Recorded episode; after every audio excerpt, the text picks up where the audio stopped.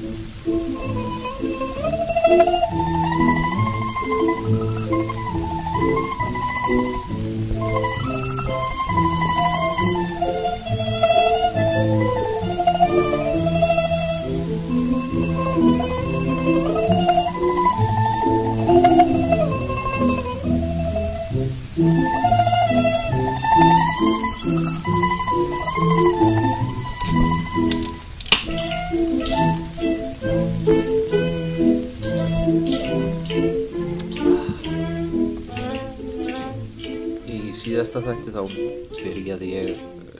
Morguns að taka upp og með kaffibotla í hönd.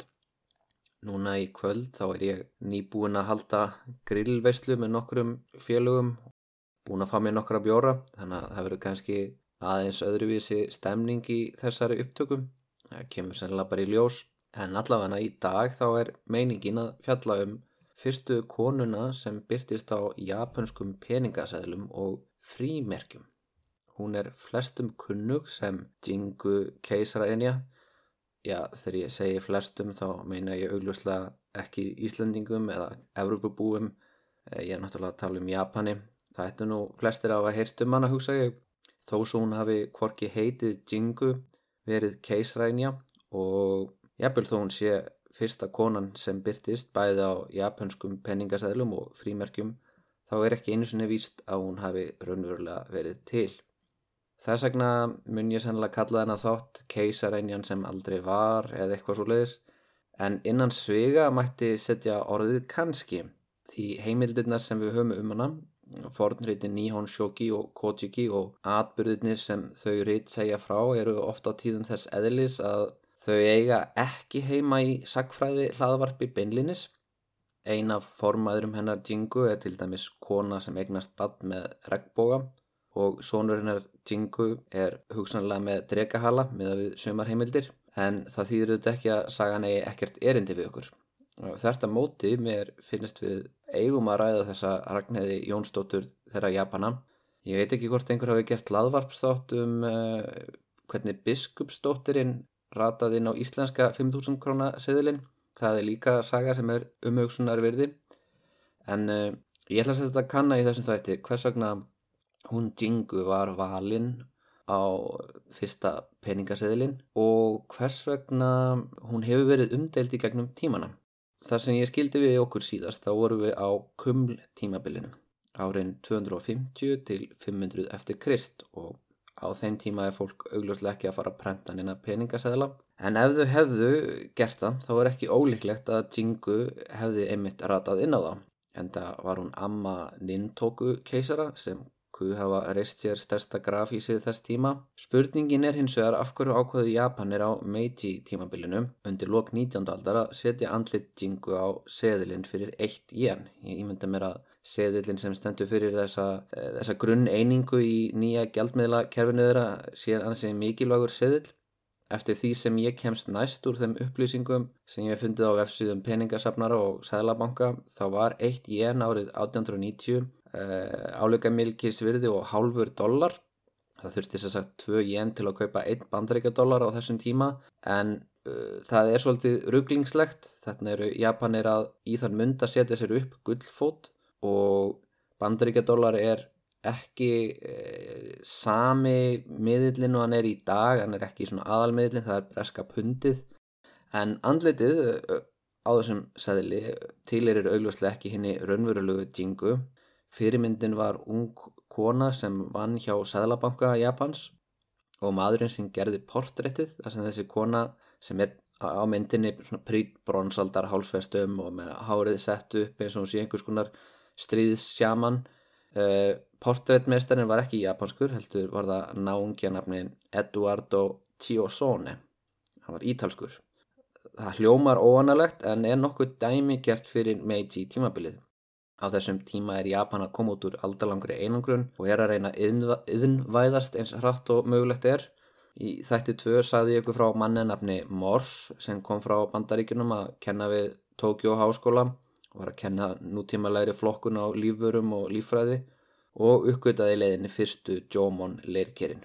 þegar hann var að leitað skellfisk. Eh, þetta meiti tímabil er sama tímabil og ótrúlega margir aðrir sérfræðingar frá Európu og bandaríkunum koma til Japan og eru fengnir til að þjálfa og kenna Japanum vestræna tækni hugsunarhátt en voru svo oft á tíðum sendir úr landi um leið og Japanarnir töldu sig að var lært allt sem þeir þurftum. Og Chiyosone er einn af þessum mönnum. Hann var listamæður sem hafði lært kopastungu og hafði unnið fyrir ítalska sæðlabankan við að hanna peningasæðla þar í landi.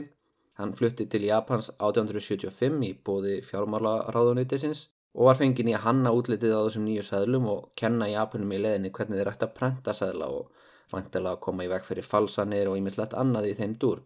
En það sem er dæmigert fyrir þennan tíma er að það er ekki eins og reynd að gera myndina í stíl við japanska hefð sem er alveg til, ég menna það er fullt af prentverkum í Japan á þessum tíma. Það er til dæmis Ukiyo-e verkin sem atna, ég meira sér notað sem uh, myndefni fyrir þetta hlaðvart nú þegar, tvísvar held ég og það er sem sagt, er alveg hefð fyrir þrykkimyndum en, en Japanirnir vilja láta sæðlana líta út eins og þeir séu vestrænir. Þeir eru líka svolítið að reyna að impressa útlendingana, þeir eru að tilinga sér vestrænan hugsunarhátt teknið þekkingu og um leið líka fagufræði og þannig að þetta er svona blanda praktískum og ópraktískum atriðum en Japanir eru í raun að, að gera þetta í ákveðin tilgangi. Þeir eru að reyna að vekja hrifningu Vesturlanda og líka að reyna að öðlasti virðingu þeirra þeir eru að reyna að læra vestræna dans, tónlist, högmyndagerð og einmitt annað.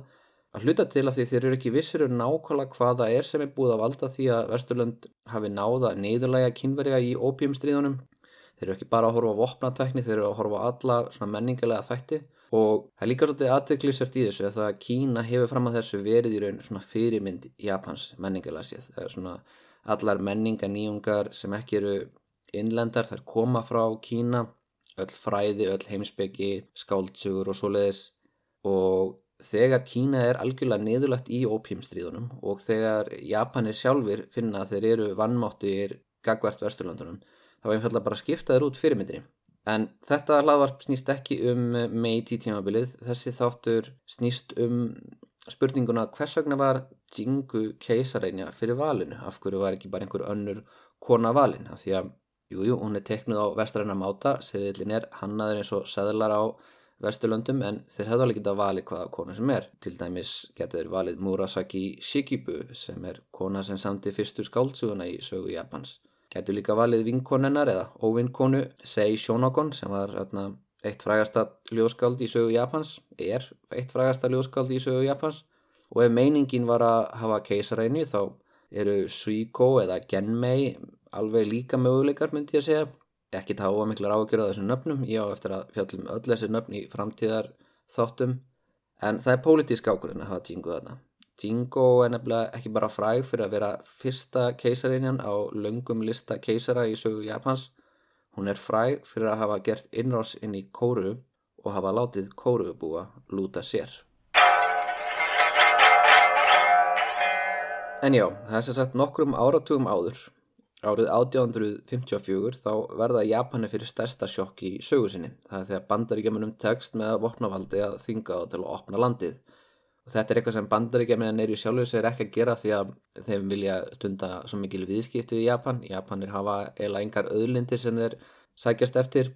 Það sem bandaríkjaman eru aðalega leitað þeim vantar hafnir í Kýrahafinu svo að kvalviðiskip frá bandaríkjanum geti stoppað einhver staðar, sótt sér vatn, sótt sér kól og, og keft nýjar vistir og, og Japan hendaði ágætla fyrir það. Og svo snýst þetta líka um viðskipti við Kína þeir vilja bara hafa stopp til þess að sækja sér meira eldneiti í löngum ferðum.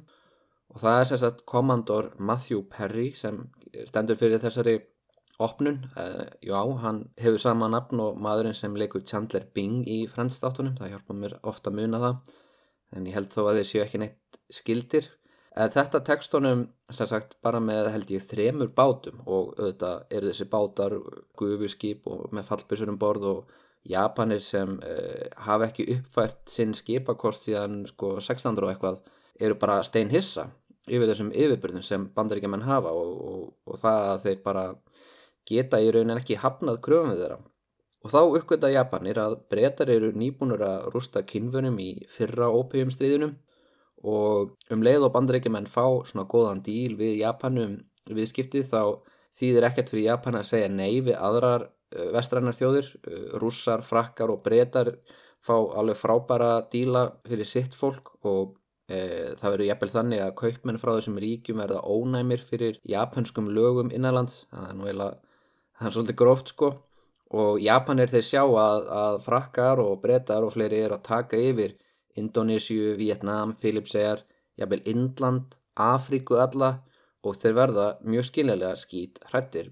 Og það hefði alveg getað að farið þannig að Japan enda þessi nýlenda ef að Japan hefði til dæmis verið klófið í langvinnu borgarastriðið eða eitthvað svoleiðis. En það fór ekki þannig og við skulum átt okkur áður við atna, tölum um innrásininn í Kóru að frá sjónarhóli í Japana þá er 19. öldin svo litil frumskóur. Það er í rauninni þannig að þetta var frumskóur og þú varst svolítið annarkort eitt af rámdýrunum eða hugsanleg bráð.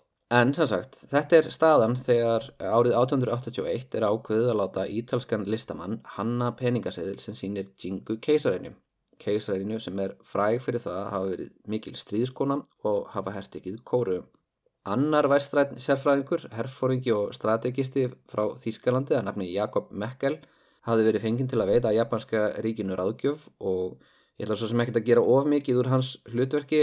Þetta er þetta ákvörðin sem er algjörlega á ábyrð innlendra valdhafa og, og Japanir hafa svo sem áður í sögu sinni reynda að taka yfir kóru, þetta er ekki ný hugmynd. En Mekkel á nú mjög flæga setningu þar sem hann eh, segir við, í viðræðum við japansk stjórnvöld Kórea er nýfur sem beinist að hjarta Japans og það er, sem það merkir er í rauninni bara að ef að segjum til dæmis rússar myndu alltaf sér innrásin í Japan þá myndu þeir fari gegnum kóruðskagan og rússar voru þessum tíma punktið jafnvel að byggja uh, lestabraut frá, í, gegnum Sýberi og inn í Kína og þaðan inn í kóru og þetta eru bara 190 km á milli Kyushu og, og söðuróta kóru og í sögu Japans þá er náttúrulega mjög frækt eh, þegar mongólarnir reyna innrás tvísvar þaðan. Og og það er bara lítið svo á að það sé þjóðarörgismála að taka kóru. Síðar í, í svona nýlendu sögu Japana þá eiga Japanir eftir að taka yfir önnu lönd til þess að tryggja sér öðlindir. Þeir stefna söður á bóin til þess að fá gummi og olju og svoleiðis. En á þessum tímapunkti þegar Japanir er að taka Tævan, Okinawa og Kóru þá er uh, hugmyndina mörguleiti svo að í rauninni búa til einhvers svona varnamúri kringum eiguna og koma þannig í vekk fyrir að nýlendustríði eitthvað svoleiðis er þetta háð á sagt, sjálfum eigunum. En nú skulum við fara lengra aftur í tíman. Frá 19. öldunni yfir á aðra öld eftir Krist. Það er sá tími sem Kojiki gefur okkur uh, þegar kemur að Jingu keisarænjum. Með við ártöldin sem eru í þessu reyti og höfum í huga þetta er reyt sem er skrifað 712 og er að fjallum atbyrði langt aftur í tíman á tíma sem ekki er neitt rítmáli í Japan. En Kojiki sem sagt gefur okkur ártalið 169 fyrir fæðingadag uh, Jingu. Og hún giftist keisara, hún er ekki í keisarættinu, hún giftist inn í hana. Og hún stýrir landinu með keisaranum frá 192 til ásins 200 og þegar eiginmaður hennar er látin þá stýrir hún í nafni sonar þeirra frá árinu 201 til ásins 269 ef við sagt, tökum ártölunum í Kojiki trúanlega. En hún, sagt, hún stýrir í nafni sonar síns en hún færir húnum ekki völdin í hendunar fyrir en, já hann færir ekki völdin fyrir en hún er látin. Sumir líta svo á að Jingu sé sama manneskja og kínverskir sagnarítarar kalla Himiko og það er alls ekkert fárleg kenning ef við skoðum þessi ártöl. Auðvitað getaðu ártöl og dagsetningar skólast eitthvað til í gegnum tímana en, en þetta viðist passa ágætlega saman. Sko ef við miðum við annálanna í Tsávei þá er Himiko drotning uppi einhver tíman á árabilinu 220 til 265 eftir Krist sem á miðri valdatíð uh, hennar Jingu svo að, að, að er tvær gætu alveg verið sama manneskjan en það er eiginlega alveg bókamálað að ártölu í Kotjiki standast ekki því að það eru valdhafararna sem verða 140 ára gamlir og með ráðgefa sem verða 280 ára gamlir þannig að skulum fara alveg valið í þetta en Jingu þessi, hver er sagan að bakinnar? Einmaður hennar er Tarashi Nakatupiku hann er 14. keisarinn í sögu Japans ákomandi Jimmu í beinan kalleg í æðum hans er blóð, uh, sólgiðunar Eh, líka vatnadrega eins og Toyotama prinsessu sem hafa gifst inn í þessa góðsaknakendu fjölskyttu og ég saði frá því í síðasta þætti. En þetta er ættgöfuðu maður, hann er afkomandi vatnaguða og, og sólarguða. Hann sver sig greinlega í ættina því að þarna sangvand sumum fordritum þá er hann 30 metra hár. En uh, á listanum yfir japanska keisara sem næri yfir 2600 ára tímabil þá er hann yfirleitt kallaður Chuai.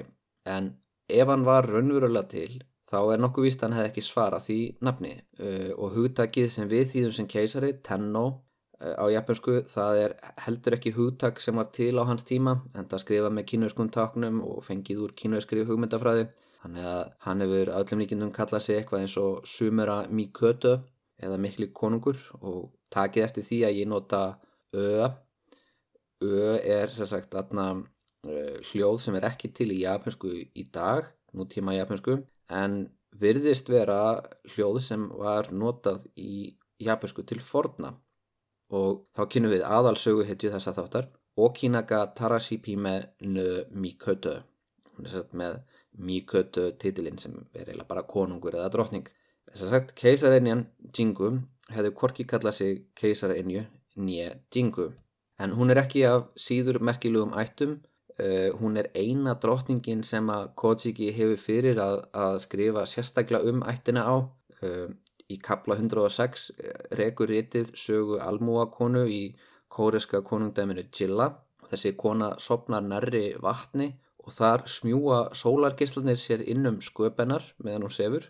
Og Kojiki segir að geislar sólarinnar hafi breyst í regnboga til að frjóka hana og hún hafi orðið ólétt og hún egnast ekki neitt badn heldur rauðan gimstein. Og þessi gimstein endar svo í höndum Amenöpipökö sem er prins í þessu konundæmi og hann tekur gimsteininn og leggur hlið sér í rúmið sínu. Og þá umbreytist gimsteinin í undurfara konu sem reynist vera hinn fullkomna eiginkona.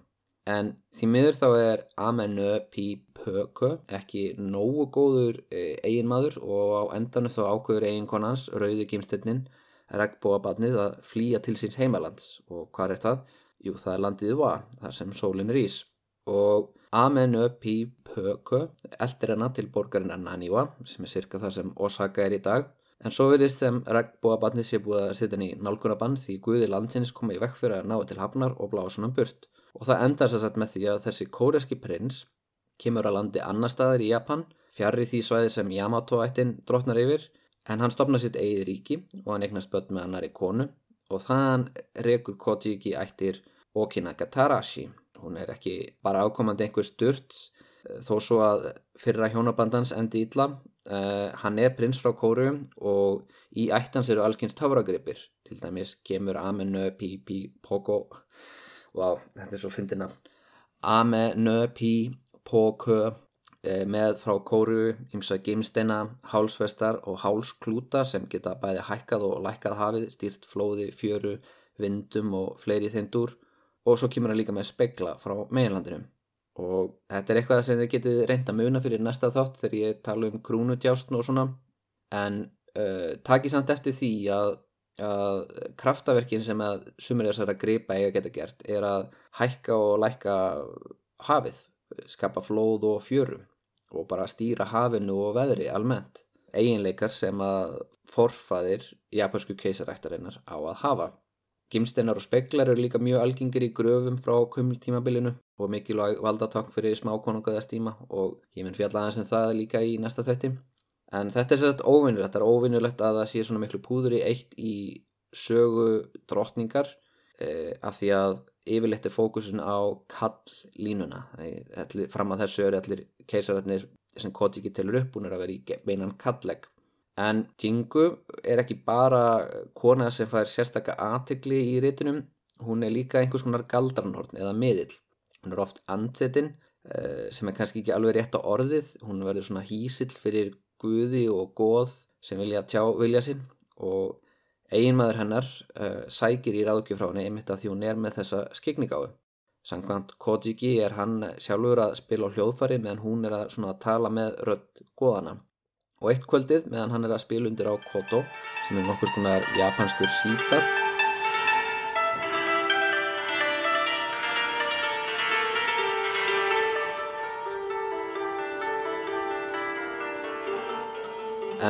hann er að spila undir á Koto og þá skyndilega verður drottningin andsetinn og hún byrjar að kyrja.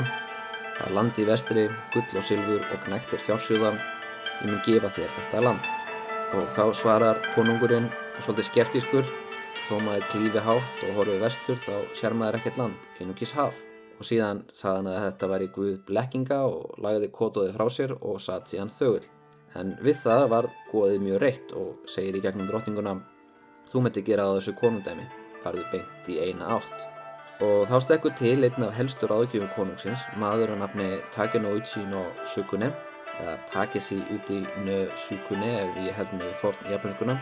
Hann stekkur til og gráðbyður konunginum að halda áfram að spila því að annars þá munir þessi Guð hveðja með bölvun og orðum.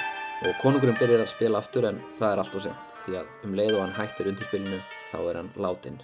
Og þannig herst valdatíð Jingu keisarenni og hún stýrir átni í alveg 60 ár og hennar halsti ráðgjafi stýrir með henni, Takenouchi no Sukune er svona nokkur skonar fórsættisar á þeirra í hennar valdatíð og Kojiki vill að við trúum því að hann þjóni 5 öðrum keisurum og verði 280 ára gamall.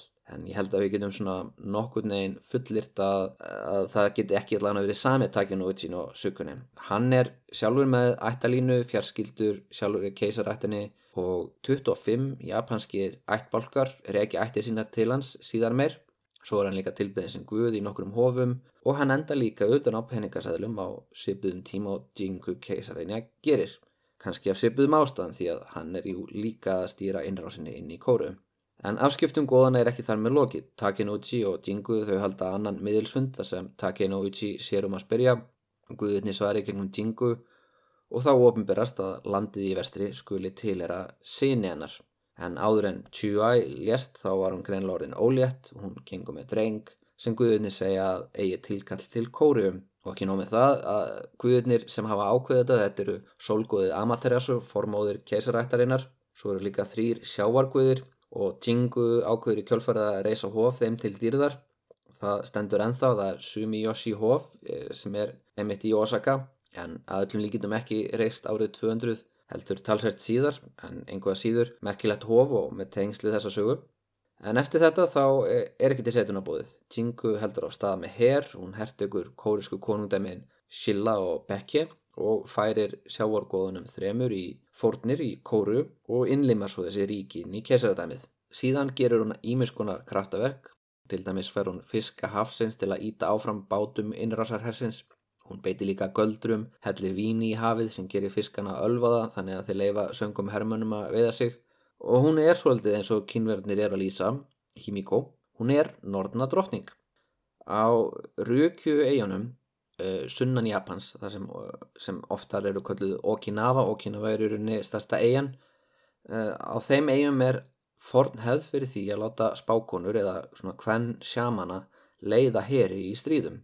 Og yfirleitt í þessari hefð er sjámanin sýstir konungsins eða kona af ættans og það er ekkit ólíklegt að það hafi verið hefð í Japan til forna líka. Þetta skildar menningar. Dag þá eru konur sem eru prestar ekki með neitt hlutverk innan hersins í sjálfu sér en það eru það er þannig að ógiftar konur úr, úr keisaræfjölskytunum gegna ennbættum aðstu presta í, í ákveðnum hofum. Og það eru þetta ekki hægt að útiloka að einhver tíman hafi þær gengt stærra hlutverki á stríðstímum.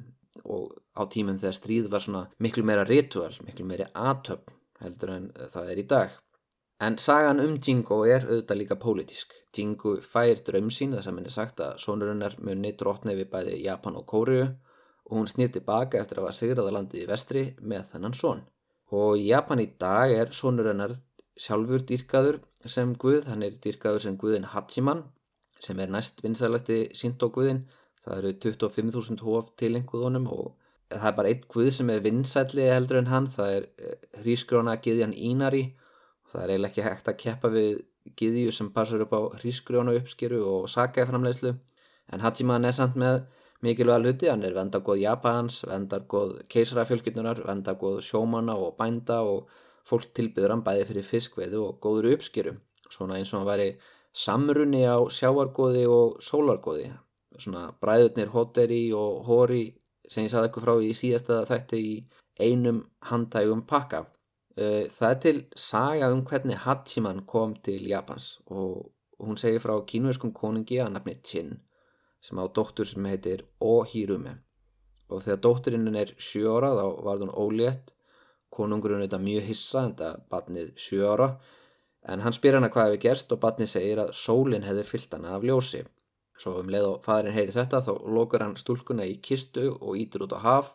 Hún skólar svo upp að landi í Osumi og fæðir badn flýgur svo upp á Wakasugi fjall þar sem hún verður vendardýlingur Kashishi hofsins og ekki hafa ómiklar ágjörðið að muni allir þessi nöfn. Ég, sjálfur þekki ekki þessa staði uh, en uh, ég veit eftir að hafa lesið það þá veit ég að Kashishi hofið er tilengað Jingu keisarinu en Hachiman hofin þau eru tilenguð sinnenar Ojin síðar í þáttum þá muniði heyra meira um Hachiman hofin og við blandast inn í valdabartu á Nara tímabilinum og svo munum líka valda miklar samúræða eftir reyna eigna sér hann sem vendargoð en það er eitt mjög aðteglisvert dæmi um pólitíska beitingu á uh, svona hofi. Bara 8 árum eftir að Kojiki er skrifað þá er uppreist einhvers þær í Kyushu þar sem Hayato, ættbalkurinn, sjómanna ættbalkurinn sem eru afkomendur Hoteri úr þjóðsugunni í síðasta þætti. Og manneskinn sem er sendt til að bæla niður uppreistina er kona að nafni Karashima no Masa Hasume sem er aðstiprestur við Hachimanhof á þessari eigu. Svo þetta er atna, ekkert svo ólíkt Jingu keisaræni, þetta er miðill millir manna og guða sem er líka hersöðingi og kona. En í sögunum Jingu þá hertökur hún Kóru, hún siglu svo yfir hafið aftur og hún egnast svon sinn um leið hún snýr til Japans. Og það má örgla segja mjög margt annað um hann Ojin, hann er ekki þrín metrar á hæði eins og pappa hans en Hann er samt með dregahala, samkvæmt sumum sögum og svo hefur hann líka svona ramgöldrótta móður. En hvað sem því líður þá er hann enguða síður hugsanlega fyrsti sögulegi konungurinn í Japan og um hann umdeldar kenningar, umdeldar af því að þarna undirlíkjandi er alltaf pólitík. Og nú skulum við snú aftur til ársins 1881. Tingu keisaræni er orðin að andliti á peningasæðli þó svo að þetta sé ekki andlitið hennar og nafnið, Jingu, ekki nafnið sem hún sjálf notaði. Og hún alls enginn keisaræni í neinum nútímælum skilningi heldur, sennilega einhvers konar sjaman ef hún var raunverulega til. En þarna er hún samt á peningasæðlinum táknum eitthvað sem japanska ríkistöldin ætla sér. Það er yfirtaka á nýpnum sem beinist að hjarta Japans. Og til að eignast kóruðurskagan þá þurfa þeir að sigra kynverja í stríði sem þeir gera. Og þeir sigra líka rússa í stríði. Og svo þetta sigraður kóriubúa í stríði. Og þeir þurfa samt að há annars konar baráttu, ekki bara með vopnavaldi heldur þeir þurfa að réttlæta yfirtökuna, menningarlega. Til dæmis, það er ekki auðséð að japanski keisarar eigi eitthvað tilkall til að drotna yfir kóriu, allavega ekki svona fljótubráði, Japan er á þessum tíma búið að vera einangraði í alveg 300 ár og í síðasta skipti sem þeir reyndu að taka yfir kóru þá hafði það enda með hörmungum. En núna eru þeir búin að klára verkefnið og þá þurfa þeir að búa til meðal annars skólabækur, bæði skólabækur fyrir kóresk börn og skólabækur fyrir japansk börn sem er að kenna þeim eitthvað um af hverju þau eru þegnar í sama landi. Og þá er það sögur eins og sagan um Jingo að algjöri himna sendingu og létt stríðskona taka yfir landi vestriða því að Þrýr guður og sólgiðja eru búin að byrtast henni í draum sín og segja að kóriða til er henni. Og síðan voru nýlega mentaðir fordleifafræðingar, nýlega mentaðir að því að fordleifafræðin er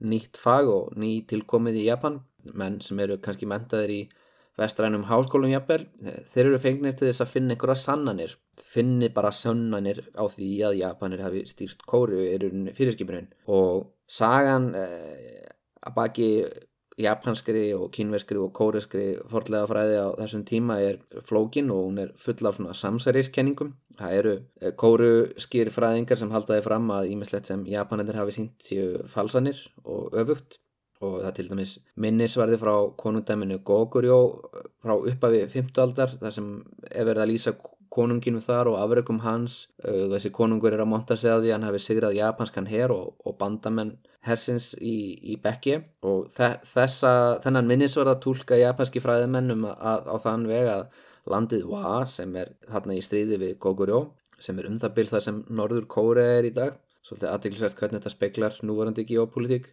En, en sagt, þeir tólkaði á þann veg að Va er greinlega drottn yfir Bekki að þeirra mati fyrst að ríkinn tvör að berjast saman genn Gogurjó og við skulum ekkert gera lítið úr þeirri kenningu strax og því að Bekki og Va eru konungdæmi með mjög náið samband. Á sjöttu og sjöndu öld höfum við bara nokkuð góðar ritaðar heimildir fyrir því að aðalsfólk í Bekki og Va sé að giftast innbyrðis. Það eru gíslar hafðir í góðu yfirlæti við hyrðina í Japan sem koma frá Bekki og á endanum þá giftist meðlumur úr konungsfjölskyttu Bekki inn í japansku kesarættina og það líka í gegnum Bekki sem búttismin á endanum breyðist til Japans. Þannig að það er ekkert fárulegt að Bekki sé náinn vínaþjóðva, jafnvel undir vendarvæng Va og kannski jafnvel nýlenda en höfum í huga eitt, það geti líka verið öfugt.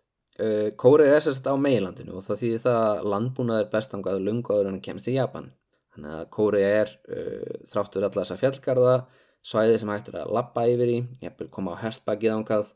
Þannig að lungaðurinn í Japan eru farnir að rækta hrísgrón þá eru sko ótal konundæmi búin að rýsi í Kóru og líka í Norður Kína þar sem kóriska þjóðin bjóli einnig kóriska menningarsvæði náði við miklu starra svæði heldur en kóriuskæin er í dag um það leiti sem að Japanir er að hefja kófum tímabilið um, er að mynda svona einhverja bæjarmenningu og, og einhvers konar svona kerfi þar sem eru smákonungar þá eru kóriubúar löngumunar að tilenga sér sko tækni sem fyrir sko Japanum er, var svona bara já, eitthvað sem var fyrir okkur eins og einhver svona sci-fi tækni. E, þú veist, þeir eru með játsmíði þeir eru með silkirægt þeir eru með kínvest rítmál þetta er eitthvað sem sko Japanir eru bara gáttaðir á og, og þurfa að kaupa dýrum dómi. Og kórubúur eru orðinir konfúsianistar þeir eru einhvern svona taka við kínverskri menningu eiginlega nánast í heilsinni og þeir hafa ryttar á herstbæki af því að þeir eru að díla við hyrðingja þjóður í, úr norðri og, og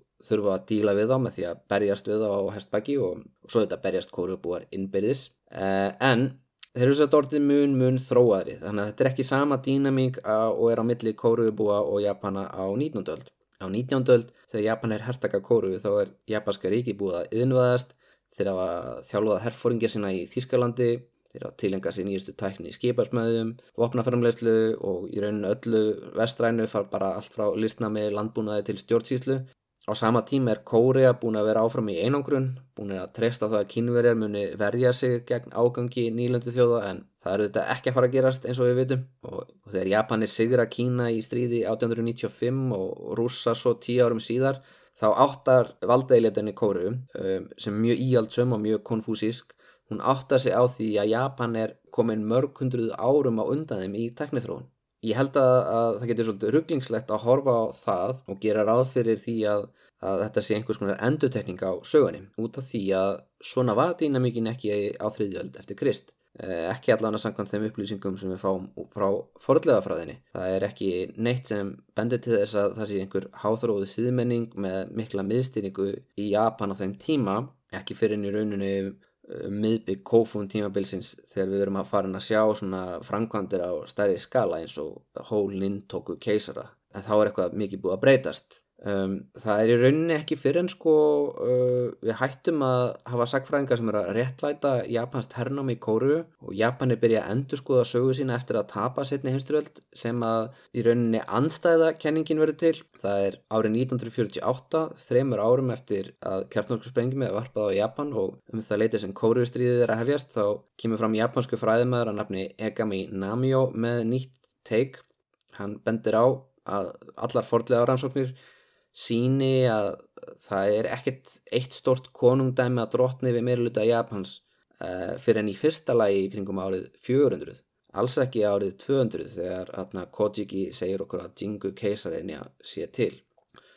Og svo bendur hann á því að ártölun í Kojiki eru alveg augljóslega skökk. Það er kannski var einhver tíman til einhver sem ég eh, taka Nuchin og Sukune en það er enga líkur af því hann getur verið ráðgjafið 5 keisara og náð 280 ára aldri það er líka nokkuð útlokað að Japanir eigi einhverja keisara sem ná 140 ára aldri. Þeir eru kannski langlífasta þjóði heimi en svo langlífur eru þeir ekki. En hann spyr hvernig eigum við að skýra það kringum árið 400 þá verðast Japanir taka stór stökk fram á við í tækni, skipulagi og, og læra allskyns uh, nýja hluti sem hinga til eru bara búin að vera á meginlandinu gæti það ekki verið öfugt við það sem við erum að kenna núna spyr hann gæti það ekki verið að alveg eins og jájói fólkið kemur og leggur undir sig Japan 600 fyrir Krist bólar burtu Jómon fólkinu gæti ekki önnur innrás hafa átt sér stað frá kóru það gæti verið að sagan um Jingu sé ekki saga um innrás inn í kóru heldur innrás frá kóru og ef við skoðum söguna þá þá sér maður eitthvað sem svona einhver, einhver svona einhvern vísi að því. Hún er afkomandi aðalsfolks frá kóru og í sögunum Hachiman og Ojin keisara þá, þá fylgir alltaf því að hún er ólétt í kóru svo kemur hún að landi í Kyushu og egnast batnið og Egami hann veldur upp þeirri kenningu að hugsanlega getur stríðsmenn á hestbaki auðveldlega sigrað Japan á fjörðvöld að Japan er náttúrulega landa sem engir hestar e, voru fyrir en manneskjur tókuð og alveg eins og í Ameríku fyrir tíma Kolumbusar þá er, e, hefur það moment þegar fyrstu rittararnir á hestbakki koma til Japans verið eitthvað alveg svona bilað. E, þú veist, e, þeir sem eru innfættir hafa sannlega ekki vita hvernig þetta bregðast við eða jafnvel berjast við þetta fólk. Þannig að Egami velti því upp. Gætið ekki verið að kóreskir prinsar sem voru núna búin að átta sig á því að þarna Japan er frjósamt land eh, fullt af fólki og ágættis viðskiptum en, en greinilega líkur vel við höggið að getur það ekki bara verið að þeir hafi farið með rittaraliði sínu upp í báta silt þessa 190 km eins og mongólarnir eiga síðar eftir að reyna og hert ekki í landið? Af því að allt í einu í kringum ári 400 þá verður menningin talsvert kóreskri meðal elitunar og það er meiri miðstýring greinlega í ríkinu. Uh, þessi kenning er svo sem ekki það galinn, uh, hún er ekki galnar eins og hugmynda japansk konungdæmi hafi drotnaði yfir hluta kóruðu til forna. Og það sem stiður hana er svo staðrenda mikið af eliti Japans frá þessum tíma rekur ætti sínar til meilandsins, til kóruðu og til Kína. Haldamestu ættbalgarnir og ættirnar í Japan á 15 og 17 öld voru frá kóruðu og voru mjög upptekinn af kóreskri pólitík. Stöðut að blandast inn í erjörmiðli þessara konungdæma þarna Gogurjó, Becky og, og Shilla en það er erfitt að vita hver sannleikurinn er. Þessi kenning er vinsæl kannski í dag meðal uh, vinstri sinna í Japan óvinsæl meðal þjóðurni sinna sem vilja ekkert heyra um það minnst að keisarættin sé mögulega kóreskum ættum. Við þetta vitum ekki hvort Jingu keisareinja hafi verið til hvort hún hafi verið kóresk prinsessa eða japansk drottning sjaman, móðir, nortn eða uppspunni en Þetta er ágættis áminningum það að sagan sem við segjum hún þjónur oft pólitískum tilgangi. Uh, þegar Japanir urðu þjóðnisinnar og íhaldsamari á 20. stöld þá var smá sem að gert minna úr henni. Hluta til húsægi að því að hún var drottning sem stýrði í meirinn 60 ár og í nýju stjórnarskráni sem var búið var að skrifa þenn tíma var búið ákveða að keisarar erðu áallt að vera kallkins. Svo vildi menn geta sínt óbrotna línu konunga í beinan kalleg langt aftur í aldir og þá hendaði þeir svona millibils ástand þar sem Jingu er við völd svona lengi alls ekki. Og svo kannski bara eitthvað óþægilegt við söguna að hún eh, er samkvæmt Kojiki ólétt í þrjú ár eftir að japanski eiginmaðurinnar deyr. Þannig kannski ekki eitthvað uh, ekki eitthvað sem nútíma fólk teljum mjög trúverðugt skulum við segja. En svo eins hendu hún Jingu Jingu blessuð var undir lók 19. aldar til að réttlæta hernám kóruum þá hendaði hann ekki lengur fyrir þá pólitísku sögur sem ríkistóttin vildi segja um það leti sem heimsturvöldin er að hefjast síðari þar að segja. Nú, eftir stríð hafa Japanur og Kóruubúar átt í svolítið erfiðu sambandi eru í landamæradeilum vegna eiga sem er mitt á millið þeirra og það skiptir tölverðum áli en það e, gæti verið ólíja í aðni kring og svo leiðis og svo náttúrulega bara skiptir landhelgi auðvitað talsverðum áli eins og við Íslendingar vitum. Nú, svo vil Kóruða líka að Japani byrst afsökunar á framkomusinni í stríðinu og það er oft trikki hvernig maður gerir það út af því að pólitíkusar þeir vilja ekki líti út fyrir að vera auðmingar í augum kjósenda sinna og þeir vilja heldur ekki skapa skadabótaskildu heldur fyrir ríki sitt. En uh, á þessum tímum nú þegar við náttu samband Suður Kóru og Japans er frekar viðkvæmt en samt mikilvægt þá hendar núverandi svona sagfræði skoðun kannski ágætla uh, núna eru viðteknu sannindin þau að Jingu hafa aldrei verið til hún hafi ekki heitið Jingu, hún hafi ekki verið keisarinja og það var engin svona manneski, þetta er bara góðsaga merkilegt nokk, þá er þessi skoðun ekki jafn almenn um són hennar, hann Ojin. Ojin er, er samkvæmt Kojiki konungurinn Pomuta. Uh, hann fær eftir döðarsinn titilinn keisari og nafnið Ojin, hann náttúrulega kallaði þessi korugt í lifandi lífi. En uh, hann var að öllum líkendum konungur sem ríkti við stórum hluta Honshu og Kyushu og svona fyrsti konungurinn sem talin er líklegur til að hafa raunverulega verið til. Það er einnig viðbyrður á hans valdatíð sem ég held að sé alveg svirð að nefna núna. Hann er sá að á 15. ári valdatíður hans þá kom fræðimæður að nafni Vani frá Kóreska ríkinu Bekkje til hyrðarinnar og Vani þessi er fræðimæður sem kann að skrifa kínvesk tókn og er með bækur eftir Confucius. Og hvort þessi saga sé sönn eða ekki þá er þetta svona ágættis atbyrður til þess að setja henni í tímátalið og, og svona gera táknu fyrir það um þetta leiti sé japanska elitan byrjuð að líka meira og meira eftir elitunni á meilandi Kóri og Kína. Og ef við, þú veist, tökum Egami og fræðmenni á borðu hann trúalega þá er þetta eitthvað sem gerist í kringum árið 400 ef við tökum mark á Kojiki þá er þetta kannski aðeins fyrr en allavega eh, á þessum tímabóndi þá eru fullt af sérfræðingum koma til Japans alveg svo þetta gerði á meiti tímabilinu nema munurinn er sá að þessir erlendur sérfræðingar þeir eru ekki að fara neitt heldur þeir eru að koma sér þægila fyrir stopna ættbólka eins og til dæmis Hata ættbólkin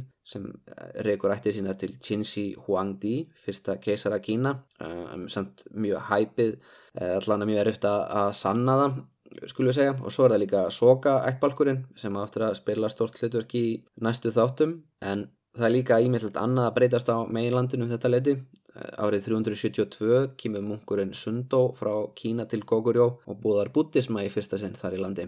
Er að búða búttisma sem sagt það sem uh, í dag er Norður Kórea. Áratug síðar árið 384 kemur indurski munkurinn Marananta til konunguríkisins Bekje og byrjar að búða búttisma á, á hans hlettinu þar sem nú má finna meðal annars Seoul, hugborg Suðu Kóru og Þetta er svona ferli sem mun taka um það byrj 100 ár, þá er bútismenn að breyðast og festa sig í sessi á kóruðuskáðunum og það er að Gilla sem tekur síðast af öllum við vonum en um það leti sem Gilla er að taka við bútismannum þá sendir konungsrikið Bekkje erindrykka til Japans og þeir bjóða konungdæminu Wa að fá bútalíkneski og bútíska texta og á móti vilja þeir fá aðstóð í stríðum við Jilla og Goguryeo. Og þessi tímasetning þegar bútismin kemur til Japans loks er talin marka endalók kofun tímabilsins af því að um þetta leiti eru Japanir byrjar að skrifa uh, og, og við getum talið fyrir víst að það er komin uh, til valda svo ætt sem verður síðar að kesarættinni og hún er byrjuð að stýra allavega stærstum hluta eigaklassans. En áður við förum til ásis 538 þegar bútismin kemur til Japans þá er fyrst eitt þáttur í viðbót um keisarættina. Í næsta þætti mun ég segja frá sverðinum, speiklunum og gimsteininum sem ennþann dag í dag eru nótuð við krýningarathafnir í Japan. En að þessu sinni þá þakka ég bara fyrir lustunina og við heyrumst síðar.